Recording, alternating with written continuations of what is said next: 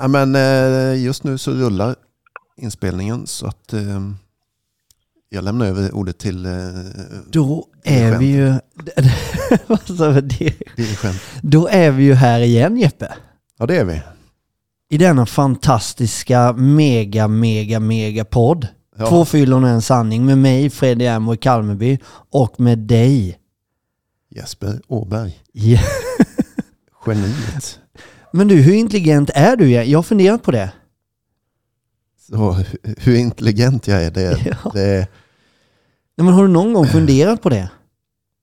eh, det har jag gjort många gånger när jag har legat vid toalettstolen och, och kräkt upp min ångest. Och Det varför dyra gjorde jag röda det där? Jag har ju lovat att jag inte skulle göra detta. Och då har jag verkligen ifrågasatt min intelligens.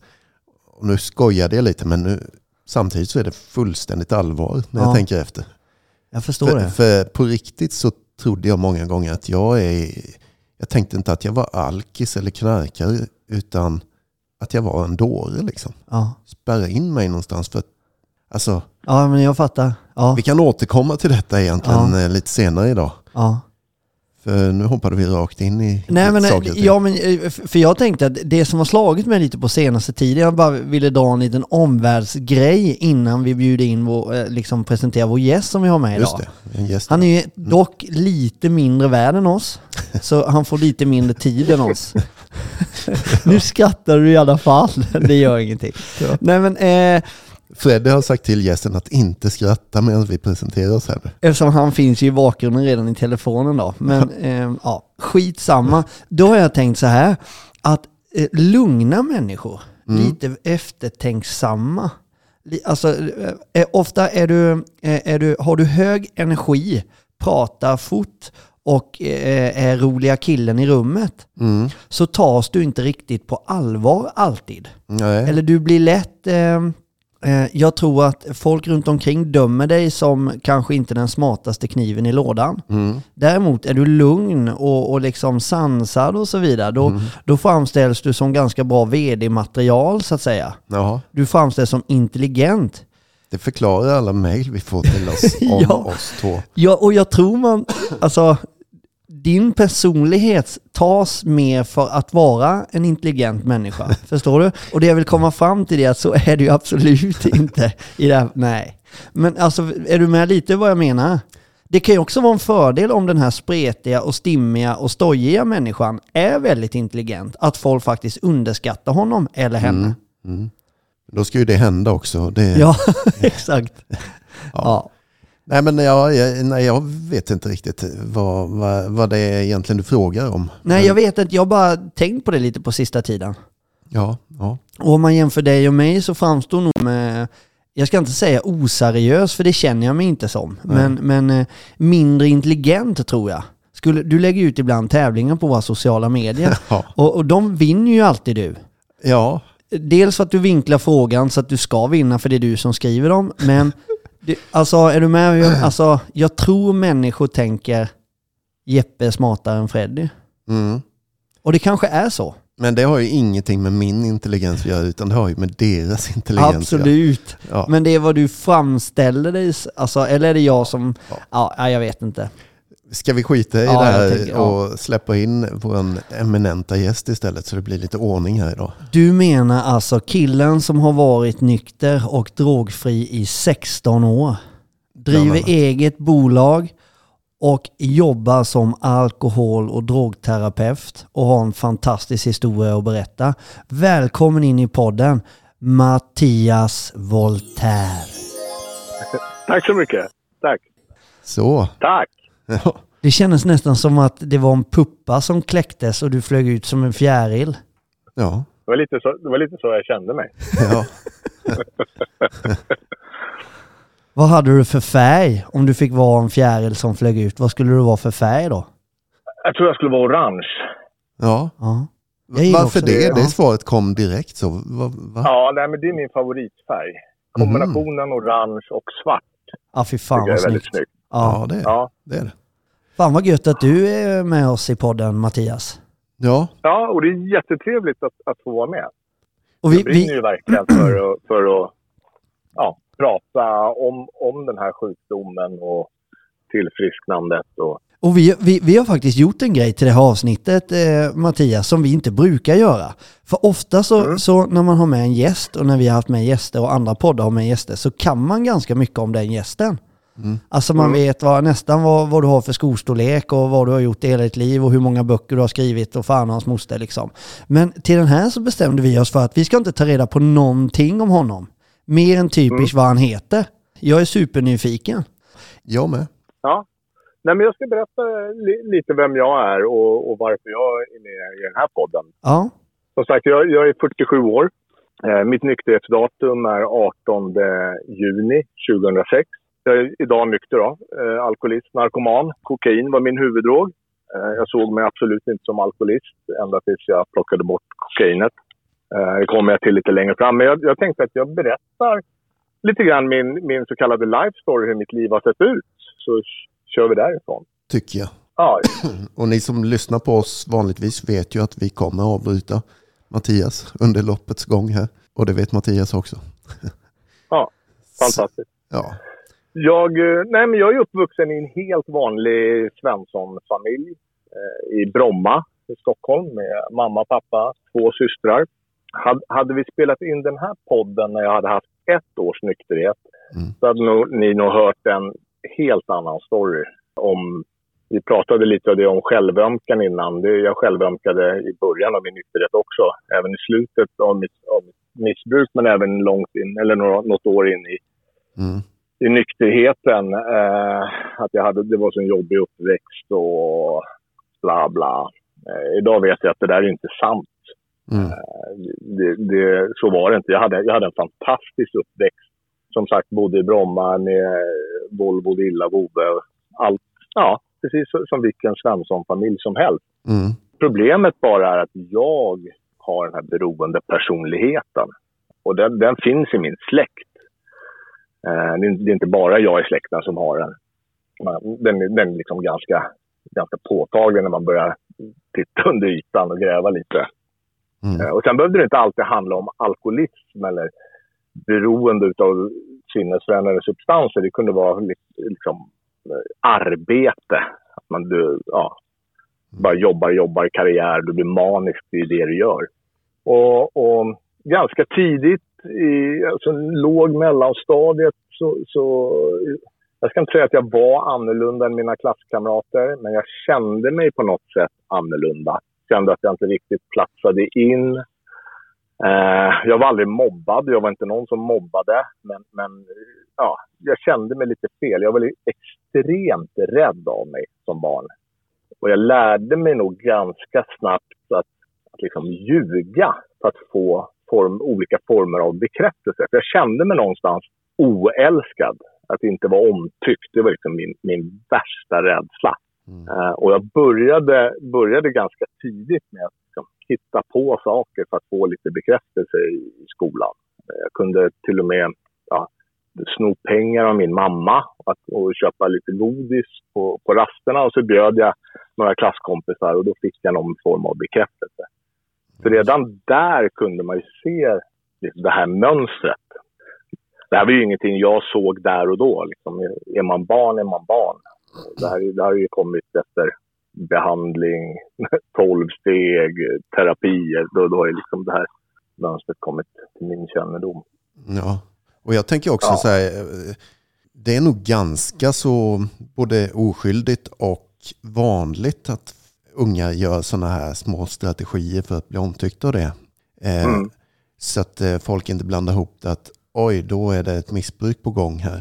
Utan, Nej, nej, nej. Det, nej. det, precis, precis. Så, så är det ju jättevanligt. Det gör ju, gör ju vanliga människor också. Mm, Problemet för mig var väl att det här började eskalera. Och, och jag lärde, jag kanske blev påkommen med lite lögner eller att jag gjorde några dumheter. Men konsekvenserna fick mig inte att ändra mitt beteende. Utan jag fortsatte och, och, och det eskalerade hela tiden.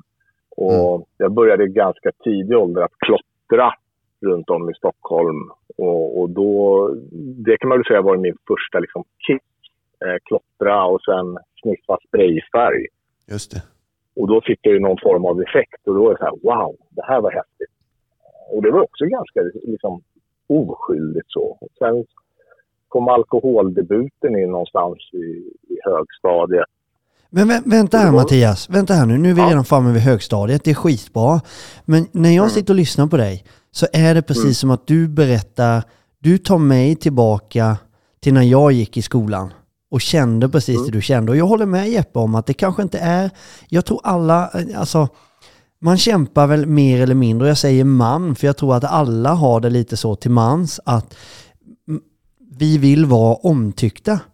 Men den mm. känslan jag hör på din röst att du hade i din mage och i din kropp, precis som jag hade när jag var liten, att jag kände att jag inte riktigt dög eller att jag, jag passade ju inte in i, i gruppen på något sätt. Eller, och jag mm. tror att både du och jag gjorde det.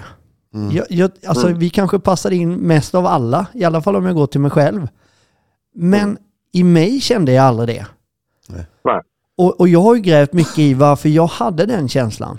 Mm. Var det kom ifrån. Och jag skulle vilja höra, för du säger du har växt upp i en Svensson-familj i Bromma och haft ordning och reda, men något fel måste det ju varit. Så, alltså, mm. någonting måste det, har du grävt i det där? Vad, för, och jag tänker till ja. många andra som lyssnar på oss, alltså det är ju ganska många människor som kanske kämpar med det här själva, eller har barn som kämpar med det här, som ständigt hamnar i olika saker i skolan. Alltså att man kan se mm. vad, kan du, kan du se någon röd tråd i det där, även när du jobbar liksom med vuxenbarnproblematik och så? Att, mm. Det, det, finns lite olika forskning på det där. Tyvärr så, så, så forskas liksom det, det väldigt olika eh, i olika mm. läger. En del vill hävda och peka på det, en del vill peka åt det hållet. Det, det man vet, det man kan se hos, hos vissa beroende som bär på den här beroendegenen. Ja, precis. Det finns ju lite, det finns lite olika sätt att, att fastna i ett, i ett missbruk, eller riskbruk heter det idag. Mm. Uh, fastna i ett riskbruk eller fastna i ett beroende. Det finns lite olika vägar att komma dit. Men vi säger då den här personligheten som, som har den här känslan som barn. Då finns det vissa studier som visar på att, att vi, sådana som jag då, föds med för lite dopamin i kroppen. Mm. Att all, alla människor eh, har ju dopamin, vilket om vi, om vi äter något gott eller upplever något, något, något, något glatt, något fint, vi har sex, vad det nu är, då höjs vår dopaminnivå. Det gör oss alla människor. Mm. Det är därför också alla människor, precis som du sa, eh, är ju lite bekräftelse och vi testar gränser och provar nya saker för att ja, vi får någon form av liksom, eufori utav det. Mm. Men för oss då som kanske har det här som, som med oss från födseln, vi föds med lite dopaminnivå i kroppen, då våra påslag bli betydligt större. För vi har lägre i början. Så mm. effekten för, för mig blir liksom euforisk jämfört med min klasskompis Stefan eller vad han nu heter. Va? Mm. Han kanske också får så här, åh det här var roligt. Men ja, det var roligt. Men för mig var det magiskt. Jag blev helt mm. förtrollad av det här. Uh, och där finns det studier på det, att för lite dopamin. Mm. Ja. Och det är lite det där sen som behandling av olika slag. Det finns ju tolvstegsbehandling, det finns KBT, det finns lite olika saker. När man börjar rota de här sakerna och, och jobba med dem, ja, då börjar vi någonstans hitta tillbaka. Men jag måste själv jobba med det för att kunna höja de här dopaminvärdena i kroppen. Mm. Så länge jag, bara tillsätter en, en, en substans eller ett objekt. Jag, jag, när jag kör behandling så pratar jag sällan om, om själva drogen. Jag pratar om objektet. Vad det nu är jag ja. är besatt av. Och så länge jag bara tillsätter det, då blir det ju en falsk lycka eller Exakt. eufori. Mm. Ja. Jag, jag, jag, slänger in en eh, ved, vad heter det, pinne i brasan till här. Jag, jag hakar på ledet här för jag känner igen mig i min uppväxt också givetvis. Mm. Och vad jag är ute efter i den där skiljelinjen mellan att det är lite oskyldigt bekräftelsesökande till att det faktiskt är lite som du är inne på nu. Lite förhöjt mm. sådant.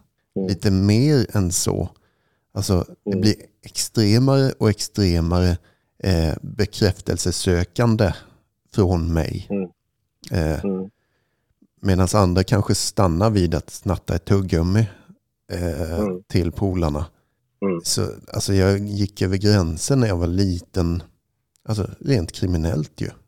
Mm. Eh, och, och, och, och, precis så gjorde jag med. När det kom då till klotter eller graffitimålning, det här var i slutet av 80-talet, mm. 88, 89 någon gång vi, jag och mina vänner, vi var ute och klottrade lite på tunnelbanan, men jag nöjde mig aldrig där. Utan jag ville ju klottra ner hela tunnelbanan och hela bussterminalen. Just Och var liksom manisk i det här och var, var ute nästan varje kväll. Det är det jag menar också. Att där, där kan det kanske då finnas en skiljelinje mellan vissa Ja, människor. ja det kan du göra. Och, och framförallt, vi, vi var ett gäng då, vi åkte fast för, för skadegörelse då. Mm. Eh, Och då var vi så pass unga så att det blev ingen polissak, men eh, socialtjänsten blev inkopplad. Och de la ju av efter det här. Ja, Eh, Det det. blev ju samtal med föräldrarna. Föräldrarna blev inkallade på det här mötet och rektorn i skolan. Mm. Så, det blev ganska stora liksom, konsekvenser. Och de slutade ju. Men Mm. det gjorde ju inte jag, utan jag, jag höll mig lugn en vecka efter jag hade då fått utskällning och, och så här. Och mådde ju dåligt av det.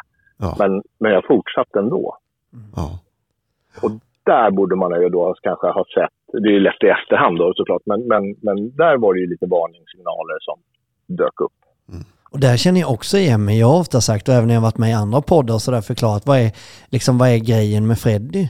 Och då har jag sagt att, om, och jag har upplevt så hela mitt liv och gör fortfarande, det är att om, om människor runt omkring mig, oavsett vad jag gör, så om, de, om, om man ser en trappa med tio steg, så stannar de flesta på steg sex. Men jag fortsätter till sju, åtta, nio, tio och så finns det liksom ingen stopp. Det är precis det ni pratar om. Du bygger nya Det, det är bara liksom, det är bara fortsätta få, precis som första fyllan liksom. Mm.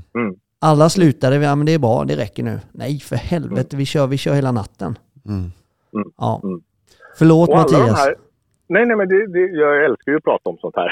Ja, jag alla, med. alla, alla såna här beteenden runt omkring då, det var, det var ju klotter och det var eh, flickvänner och det, det var, jag åkte skate och det var, det var mycket sånt här.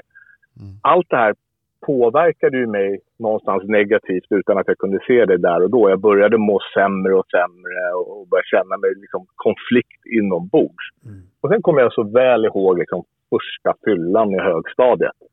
Då bara, puff, då försvann det här tunnelbanan med ljud Mm. i skallen och, Mm. och rädslorna. Och helt plötsligt blev jag någon och jag tyckte så här, "Ah, jag behövde inte hävda mig längre eh, genom, genom klotter eller bus eller vad, vad det nu var jag gjorde. Utan då, då var det liksom som, det här var ju ett mirakel.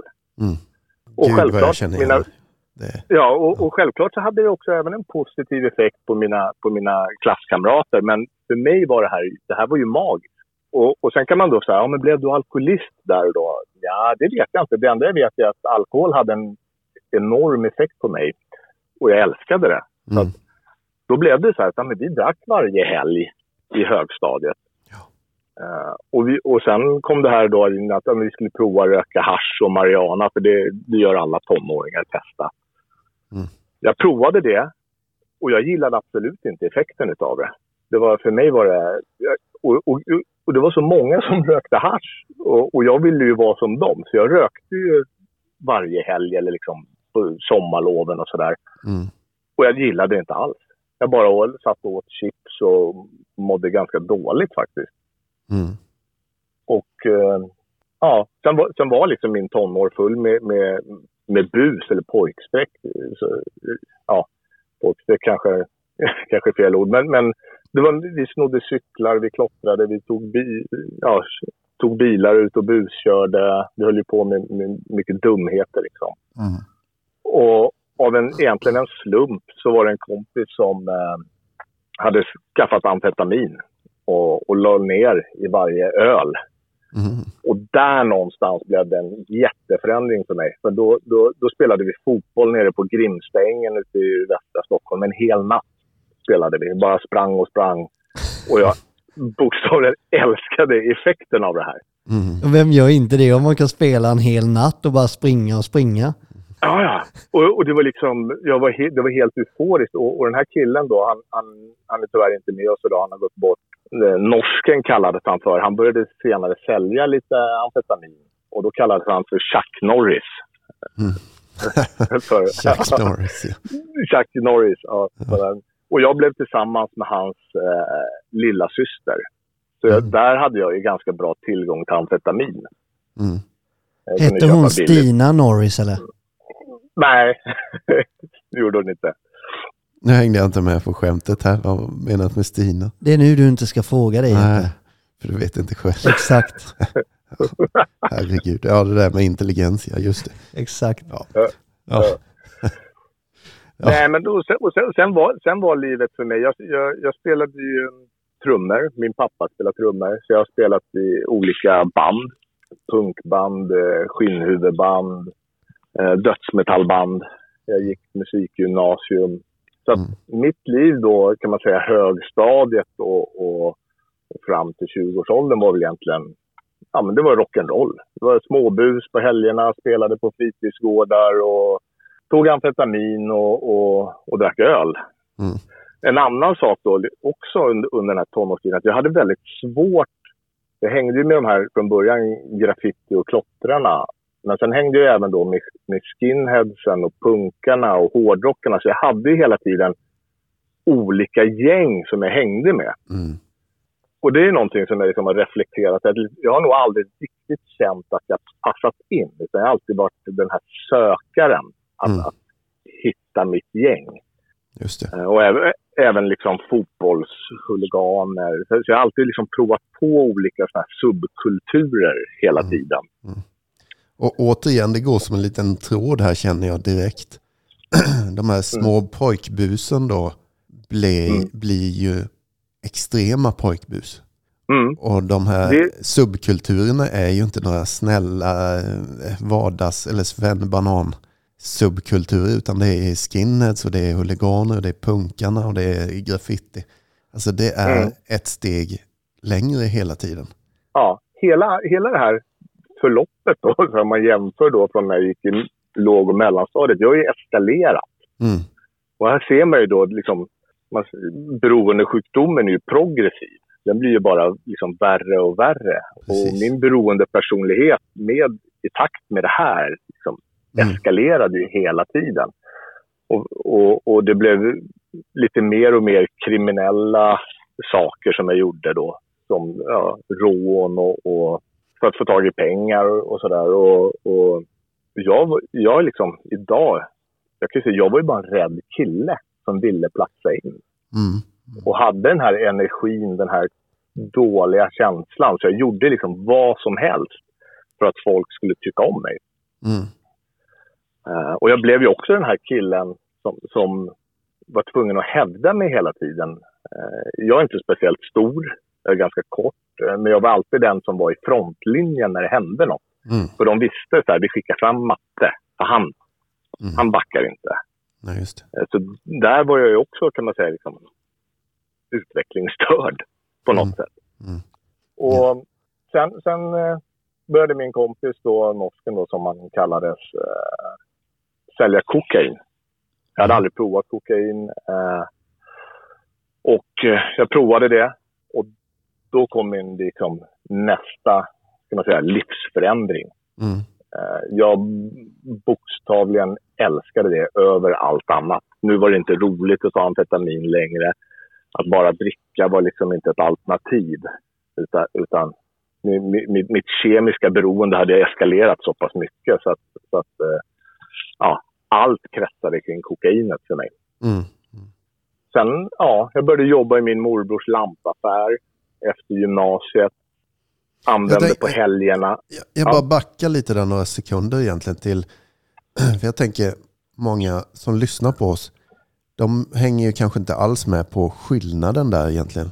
Vad, vad, vad skulle du säga, vad var skillnaden mellan att gå från amfetamin då och alkohol eh, till att ta kokain? Alltså upplevelsemässigt, vad, hur kändes det Ja, skill- ja, det är viktigt att, säga också att skillnaden var, är ju för mig. Eh, och alla människor är unika och har ju sin... En del, en del människor kickar inte alls på, på uppåtdroger, en del vill ha neråt. Så det där är ju högst personligt. Men för mig var det ju... Eh, eh, ruset blev betydligt starkare, snabbare och intensivare. Det är också kortare. Mm. Men jag gillade ju den effekten kokainet hade på mig så pass mycket mer Mm. egentligen. Och, så min hjärna blev väl någonstans kidnappad där och då. Mm.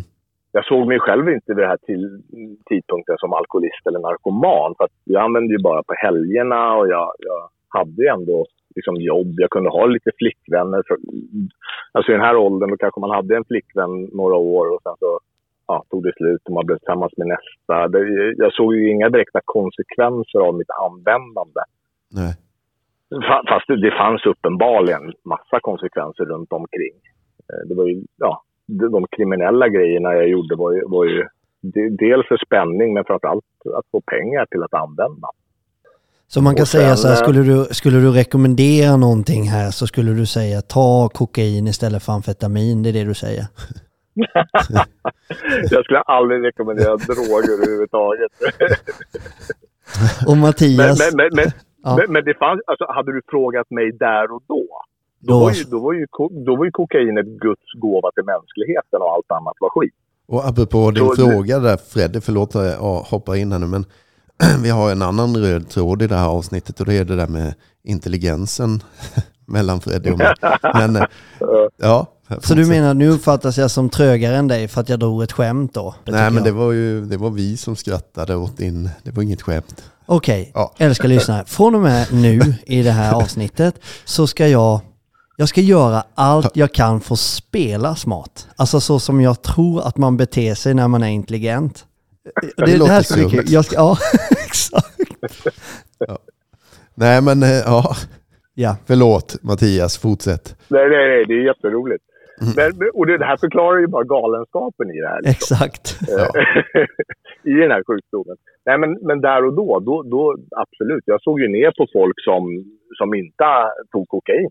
Ja. Eh, gjorde jag. Och sen, ja, egentligen, sen, sen, var det ju en massa år med, med egentligen kaos. Jag åkte till Norge för att åka snowboard och kom på en jättebriljant idé att börja sälja kokain där. För det är så mycket dyrare. Jag bodde i Trysil, det är en, en liten skidort ganska nära Sälen. Mm. Så jag mötte då min, min kompis eh, vid Sälen och så tog jag in lite kokain där och så sålde jag lite där för att kunna ja, finansiera mitt eget användande. Jag åkte mm. snowboard på dagarna, jobbade extra i en bar på kvällarna. Och för er som har varit i Trysil så, så är det, det är en jätteliten skidort. Så det är ungefär det är ett par tusen invånare på sommaren. Mm. Och det är inte så att min sjukdom eller mitt beroende det här ta paus eller sommarsemester. Utan eh, jag fortsatte ju, så att jag åkte ju fast i Norge. Mm. Och som sagt, jag är narkoman i grund och botten, inte någon kriminell. Så det tog inte så lång tid för, för mig att åka fast. Uh, och jag hade ju alla då sms sparade i telefonen så de kunde ju se exakt vad, mm. ja, vad som hade hänt. Så att jag åkte fast för narkotikasmuggling och dömdes till sex månaders fängelse i Norge. Mm. Och där var väl egentligen första, ska man säga, wake-up call. Eller så här, det här, nu, nu får det vara, nu måste jag lugna ner mig, det här får ta slut. Mm. Så att eh, efter det så flyttade jag hem till Sverige igen. Eh, började jobba i lampaffären, min morbrors lampaffär igen. Och nu har jag, nu var jag liksom fast besluten att nu ska, jag, nu ska jag fixa det här. Jag gick eh, en säljutbildning och, och blev butikschef och jag lyckades väl hålla mig drogfri då från kokain och i ett halvår, ett år. Eh, men, jag, men inte alkohol. Det, jag var, det såg jag, det är lagligt och det, det hade jag aldrig haft några problem med tyckte jag. Mm. But under det här halvåret så drack jag ju väldigt mycket. Mycket kretsade kring alkoholen. Och ja, till slut så var jag tillbaka och började använda på helgerna igen. Och det som hände då var att då, då hade ju liksom sjukdomen eskalerat jäkligt mycket. Då, då, då var det liksom inte bara helgerna längre utan nu var det även på arbetstid och det var after works och det var efter lunch. Och mm. Jag träffade en tjej, mamman till mina äldsta barn, som liksom kom från Saltsjöbaden. Mycket finare förort. Det här var ju helt främmande för henne. Mm. Eh, hon var ju tvär emot eh, droger. Så att mm. där levde jag någonstans. Nu började det bli... Nu börjar de här konsekvenserna och det här liksom dubbellivet bli ganska påtagligt. Jag, jag jobbade i den här lampaffären, jag hade skjorta på mig och sådär och, och åkte hem till, vi hade en liten lägenhet tillsammans Och, och, och sen var ute på helgerna och busade och drog ihop pengar. Och, och nu började jag liksom smyga med mitt knarkande. Mm. Och hon undrade ju liksom varför jag var så stissig hela tiden och inte kunde sova. Och det var liksom, jag fick täcka den ena lögnen med den andra. Och vilket skapade ångest. Och det enda sättet att döva ångesten var att sopa i mig mer droger. Ja, Mm. för, för, för er lyssnare som har drogproblem kanske känner igen den här liksom spiralen. Mm. Mm. Det slutade i alla fall med att jag drog ju på mig extrema skulder och jag knarkade i stort sett 24-7. Eh, Jag var uppe någonstans i 10-15 gram kokain om dagen. Mm. Jag har, några, jag har någon bild, jag kan skicka den till er sen. Eh, I slutet så vägde jag 48 kilo.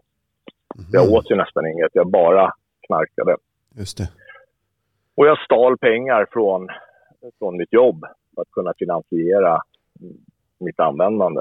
Ja. Och allt det här upp, uppdagades såklart. Det, hela luftslottet rasade ju. Och jag blev skickad på behandling. Och då trodde jag någonstans att, ja, men okej, vad skönt. Nu ska behandlingen fixa mitt beroende så att jag blir bra. Just det. Eh, och riktigt så funkar ju inte en behandling. Utan där får jag ju verktygen och kunskaper, men jag måste ju göra jobbet själv. Ja. Vad är vi då ungefär? Är vi framme nästan vid 2006 då eller? Ja, precis. Det här var nog 2004, 2005 Mm. var jag på behandling. Hur gammal är du då? Jag är jag är precis innan jag fyllt 30. 30? Ja. Ja, ja, det är Och- ungefär det jag hade räknat fram också. eh, Jag försöker. ja, Ja. in- intelligensen Exakt. där. Det, Exakt. Jag skulle Ja, bara säga. Ja. ja, ja. Ja. Så, så jag, eh, ja, men jag, jag gjorde den här behandlingen och i stort sett ljög mig igenom hela. Jag skulle gå på massa tolvstegsmöten. Det gjorde jag lite grann. Och jag var ju mästare på att ljuga och manipulera så jag snappade upp saker de sa på de här mötena och så berättade jag det för min terapeut. Och jag sa att jag jobbade i steg fyra. Och, ja, men, vet, jag, jag ljög hela tiden. Mm. Och jag, men jag lyckades skrapa ihop sex månaders nykterhet genom att ja, gå på behandling, gå på möten, började bryta med mina aktiva vänner. Så, så jag, jag tog en sex månaders bricka i någon gemenskap. Så fick jag ett diplom från behandlingen att nu var den avklarad. Och då tänkte jag så här, Nej, men nu, nu känns ju allt ganska bra. Jag hade ju gått upp lite i vikt, eh, hade lite drogfri tid. Så att nu kan man väl ta en öl. Eller liksom, nu, nu, nu är det fine. Nu kan jag använda som vanligt igen. Du hade lyckats Eh, få omgivningen att, att tro lite på dig igen kanske? Ja, ja precis. Det också. Jag hade ju börjat bygga upp förtroendet. Eh, jag, jag och eh, då mina äldsta barns mamma, eh, hon var gravid vid det här laget också. Med min äldsta son. Mm. Eh, och, och, nej, men så att saker och ting började funka ganska bra. Mm. Och, och nu börjar vi närma oss juni här då, då i, i, innan, innan midsommarhelgen 2006. Och då tänker jag, och det var några där då som, som vill ha kokain och de visste ju min historia. Ja, men jag kan ju fixa liksom. Så att eh, jag, eh, jag bestämde mig då att nej, men jag, jag, jag köper med mig lite ut till den här midsommarfesten. Så det var ju några dagar innan den 18 då, så träffade jag då min langare och skaffade kokain. Och så tänker jag då att nej, men jag ska bara smaka lite, se om det är bra. Och, och för er som vet hur den här sjukdomen fungerar med den här ja, allergin jag har. Att jag, jag kan inte ta en öl eller ett streck kokain utan det eskalerar ganska fort. Jag får liksom en onormal reaktion på sinnesförändrande substanser. Mm. Så jag provade lite grann i bilen och sen parkerade jag bilen och så drar jag upp allting Mm. som jag hade köpt. Som skulle, och det här var ju då innan, det kan ha varit den 16-17 juni 2016. Och jag kunde inte sluta. Mm. Jag bara fortsatte och fortsatte och fortsatte. Och den ångesten, alltså jag, jag, jag brukar säga det, jag, jag hade i, i slutet av min, av min per, period, aktiva period, så, så var jag den typen av narkoman som kunde använda då kanske fredag, lördag, söndag, måndag. Sen låg jag i fosterställning tisdag, onsdag och grät. Mm. Självömkade. Eh, Jag mådde så fruktansvärt dåligt och lovade mig själv och allt andra runt omkring att aldrig mer igen. Det här var sista gången. Så gick det några dagar och sen klev jag på det igen. Och så där såg, det var liksom ett moment 22. Jag kom inte ur den här spiralen. Nej.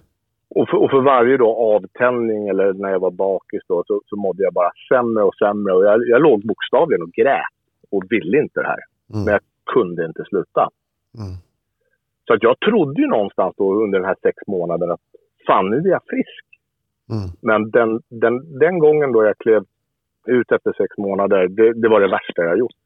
Då står jag alltså, jag, jag vet inte om ni eller lyssnare har använt kokain och kommit till den punkten när man börjar bli paranoid. Men, men jag var extremt paranoid. Så att jag stod i en cykelkällare i Grimsta i kalsonger Mhm. och vågade inte gå ut.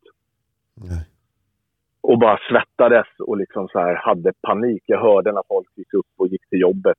Jag hade ju förlorat mitt jobb. Jag hade ju fått sparken därifrån då. Mm. Så jag hade inget jobb att gå till. Men eh, då ringde jag upp min terapeut igen efter någon dag när jag mådde som värst och träffade honom Mm. och gick tillbaka till de här mötena. Och då satt det liksom samma personer där som jag hade sett då under det här halvåret. Så de satt kvar där och, och var Just det. glada och jag satt och, och i stort sett skakade och mådde så fruktansvärt dåligt. Mm. Då var det en, då var det en, en gubbe från en gemenskap, AA, eh, som, som, som kom in på det mötet och, och sa så här att eh, från och med nu är jag din sponsor. Jag visste inte vad en sponsor var. Och, och som vi pratade om innan, det här med att vilja bli omtyckt av alla. Jag ville inte ha någon sponsor. Jag trodde att det här var någon sekt. Jag, jag trodde så här, gör man det här programmet så blir man en kokt grönsak. ja. Men jag var ju så rädd för att säga nej. För jag ville ju vara omtyckt. Så jag sa ja. Men det var ju liksom sista gubben jag ville ha. Han hade ju så här tweedkavaj och virkad slips. Ja, usch. Eh, det var så här, han ville han vill inte, jag, för jag var ändå, ville försöka hålla någon slags fasad att jag var ganska cool. Ja, just det. Med tatueringar och sådär. Gammal punka Men- och skinnskallar. Ja, ja precis. Ja, så jag hade ju mina liksom, tatueringar och mitt sätt sådär. Mm.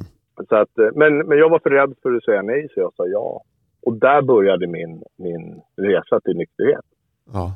Och vi pratade om det lite innan det här med, med liksom igenkänning och ångest och sådär. Jag, jag hade, hade nå, något års nykterhet och, och så tog jag med mina föräldrar på ett möte. Det var ett sånt här talarmöte och då var det någon som berättade sin life story. Mm.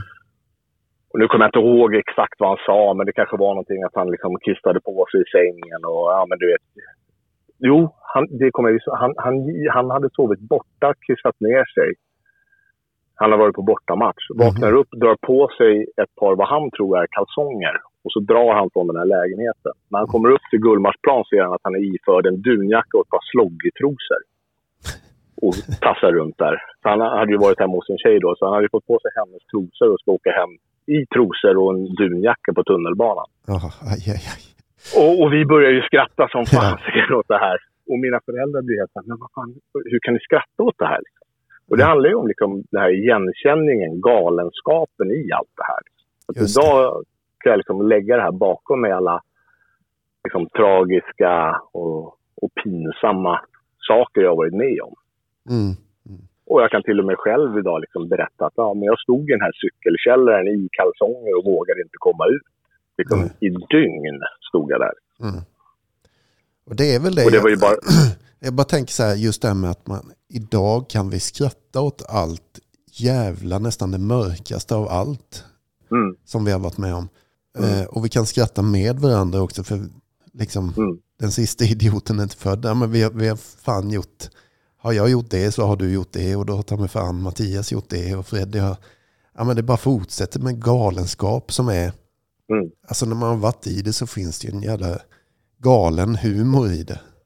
Som man kan Ja, det skratta gör det ju. åt. Och, och det är också ett, ett väldigt bra bevis och tecken på att vi har behandlat det tillståndet. Ja, Att, att skammen och skulden har, har, har vi liksom, vi har vunnit över det där.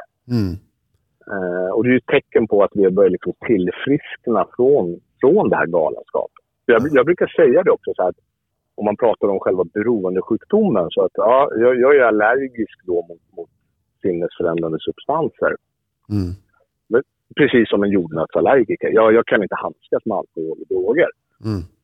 Men, men hade det enbart varit hade problemet varit ganska lättlöst. Eller liksom lätt att lösa. Då är det ju bara att ge fasiken i att dricka eller droga. Ja, Eller ta jordnötter. precis. Problemet, problemet med mig är att jag har ju en- att den sitter i min skalle. Jag är ju psykiskt sjuk. Ja. Att, att, att liksom, jag gör ju den här galenskapen om och om igen. Jag skrev ju, vi pratade om ångest och, och lite så här innan vi började spela in. Jag hade vid något tillfälle, då skrev jag ett självmordsbrev till min mamma. Ja, För att jag självömkade så extremt mycket. Jag just hade det. varit ute och knarkat och blivit påkommen och vaknat med den här ångesten. Jag visste inte vad jag skulle göra. Mm. Och i grund och botten är jag själv som har ställt till allt det här. Och då skriver jag ett sånt här brev till mina anhöriga. Ja, Och, och vad tror du det får för konsekvenser? Liksom? Det blir ju... Ja, de, de vet inte var de skulle ta vägen. Men där ser man då den här självömkan som Ja. fanns. Och, och jag vi- visste inte hur jag skulle lösa det här. Och, eh, ni vet ju inte om det ni som lyssnar men vi, vi snackade lite innan som Mattias säger om just självömkan lite grann bara sådär. Och, och nu kanske vi inte har haft med det i det här avsnittet så mycket men nog så viktigt att poängtera vilken jävla destruktiv kraft det är i självömkan. Vare sig jag är aktiv i mitt missbruk eller nykter. Mm. Det är så fruktansvärt jävla destruktivt och eh, Mm. det har aldrig någonsin kommit något bra ur det. Men där i stunden Nej. känns det ju som att det är den enda räddningen just nu. Att tyck synd om mig, tyck synd om mig. Ja, Och det är lite så här, att när, när det blir svart för mig, då blir det kolsvart. ja, liksom. Jag, kom, jag, jag kommer inte ur den här liksom, svarta källan själv. Utan jag, jag kan inte se något hopp eller något ljus längre fram. nej. Jag tänkte bara på en helt annan grej här som på något sätt vi började där vi kommer sluta känns det som. Och det är egentligen det där pojkstrecket Mm. i bekräftelsesökandet som har sån kraft i sig. Mm. som eh, jag tyckte du var inne på det och när jag lyssnade så kände jag igen mig i att jag ville ju inte, alltså min mamma exempelvis, hon var ju uppgiven när jag var liten och du nämnde det här, vi var för unga för att det blir polisärenden, eller däremot blev det ju SOS-möten och det blev Mm. li- olika krismöten på nå- olika former. Men, och, och jag hade ångest om nätterna ibland och gick Mm. omkring och jag vet morsan har sagt det nu idag då, eller i vuxen ålder, att det var jobbigt att höra dig på nätterna när du var liksom 11 år. Man hörde att du Mm. gick på toa fram och tillbaka så det, jag förstod att det var någonting och jag försökte fråga. Mm. Men eh, det där eh, ärliga svaret kom ju aldrig. Nej. Eh, och vad jag är ute efter här är egentligen att precis som du här i slutet eh, beskrev när du knarkade några dagar och sen låg i några dagar och självömkade och hade ångest och ville inte detta längre. Mm. Men så blev den som en cykel liksom. Det bara fortsatte ändå. Samma grej var det när jag var liten i alla fall. Om jag pratar för mig själv. Mm. Jag bara Mm. fortsatte ändå med de här pojkbusen och de blev värre och värre. Och jag ville Mm. det inte för jag såg att min mamma skämdes och jag såg att min mamma var ledsen efter de här polisförhören. Eller, Mm. och jag eh, Och, nästan bad då. men- Jag var nästan bad till Gud redan då. Även att jag inte trodde Mm. på Gud. Jag vill Mm. inte såra min mamma mer. Exakt, exakt det du beskriver eh, var ju för mig också. Eh, Mm. Jag mådde fruktansvärt dåligt som barn när de här grejerna hände. Ja, Och jag ville verkligen inte. Jag, jag, kunde liksom ligga, jag kunde ligga på mitt rum och gråta och äta godis. Jag kunde Mm. mm. stjäla pengar i min mammas plånbok. Så gick jag till lilla godisbutiken i vårt område och köpte massa godis. Och låg, Mm. för det, var, det, det blev liksom min snuttefilt. Och så tryckte jag i mig godis och låg och var ledsen. mm. Och jag fick även hjälp av kurator i skolan vid några tillfällen för att det var någonting med Mattias. Liksom. ja. Jag, jag var ju för ung och kunde liksom inte sätta fingret på men, men det är exakt samma beteende där ja. som jag hade i slutet av, av mitt eh, beroende, av, av mitt missbruk. Fan vad spännande det är när man ser på det. Alltså när man zoomar in, det är så jävla... Mm. Ja, där vi började samtalet idag, där slutar vi nästan. Det är, det det är en röd tråd genom hela. På ett sätt. Mm. Um, men men eh, jag menar inte att sätta punkt där nu, men däremot så tiden börjar ta slut. Ja, Eh, och, och och egentligen så, min, min story tar ju också egentligen slut där. Sen, sen eh, eh, ja, jag kom in i de här tolvstegsgemenskaperna, mm. jag fortsatte träffa min terapeut. Eh, och jag och då mina äldsta barns mamma, vi gick i lite parterapi och hon, hon eh, började gå på anhörigmöten. Vi hade några fantastiska år tillsammans. Sen växte vi isär. Som sagt, vi träffades när, när hon var 19, jag var 27 och jag var helt trasig egentligen. Då, då. Mm. Så vi hade ju många år där av, av, av kaos såklart. Mm. Och sen hade vi några fina år och sen växte vi isär och, och skildes som, som vänner. Sen blev jag intresserad av det här ämnet när, när jag, började, jag tror jag hade fyra, fem års nykterhet och då ringde jag upp min terapeut och sa att jag är nyfiken på det här. Och då skrattade min terapeut och sa Mattias, alla som, som går på tolvstegsmöten och gör det här, det kallas andligt uppvaknande. De vill bli terapeuter och de vill bli behandlare och jobba med det här. Så han sa vänta tills du har i alla fall åtta års nykterhet. Och jag väntade tills jag hade det och sen bestämde jag mig att plugga då.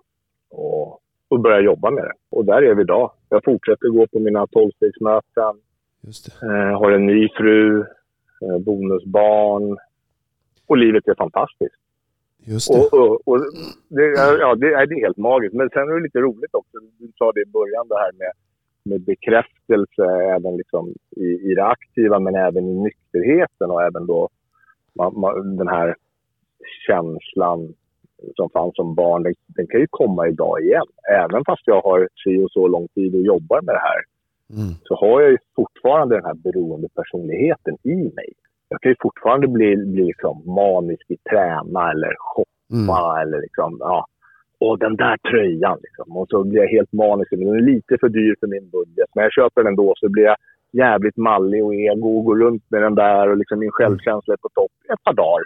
Sen ser jag nästa tröja, eller vad det nu är. Liksom. Så jag tycker fortfarande den här resan är väldigt spännande. Att se liksom hur, hur, jag hörde en talare säga så här. Uh, the longer clean time you have, the ice gets thicker but it's just that slippery. Så idag handlar det liksom inte kanske om alkohol och droger för mig, men den är fortfarande jäkligt hal att gå på mm. den här stigen. Så jag får ju liksom vakta på det här och det är ganska lätt att snöa in på, i olika liksom, besattheter. Och... Ja, det var en bra, bra sammanfattning av det på något sätt. Mm. Så jävla grymt att få ta med dig Mattias. Ja, och jag är jätteglad att, att få, få gästa er. Ja. För jag tycker att det är så viktigt att liksom använda alla kanaler som finns att nå ut. Fortfarande till de som använder såklart, men även till allmänheten. För ja. Många normala människor då, som jag kallar normisar, liksom, de, de förstår inte beroendesjukdomen. Vilket jag kan förstå, för den är, den är väldigt märklig. Ja. Men det, det, är därför det är viktigt, tycker jag, att, att prata om det. Och försöka få bort den här skulden, skammen, tabun och liksom skulle du vilja påstå eller till och med säga att de här normala människorna eh, kan dra åt helvete? Ja. ja. Nej, nej. Loser. ja. Det, är det är faktiskt många gånger jag har tänkt så. Men nej, alltså man, jag, jag, jag kan inte förändra andra människor liksom. Och, och, och, och det handlar ju mycket om okunskap. Ja. Gör det ju. Såklart. Och, och därför tycker jag att sådana här poddar, allt sånt här är, är väldigt viktigt. För då, då når vi ut. Och, ja. och sen finns det alltid de som, som förnekar eller tycker annorlunda. Fine, det får de göra liksom.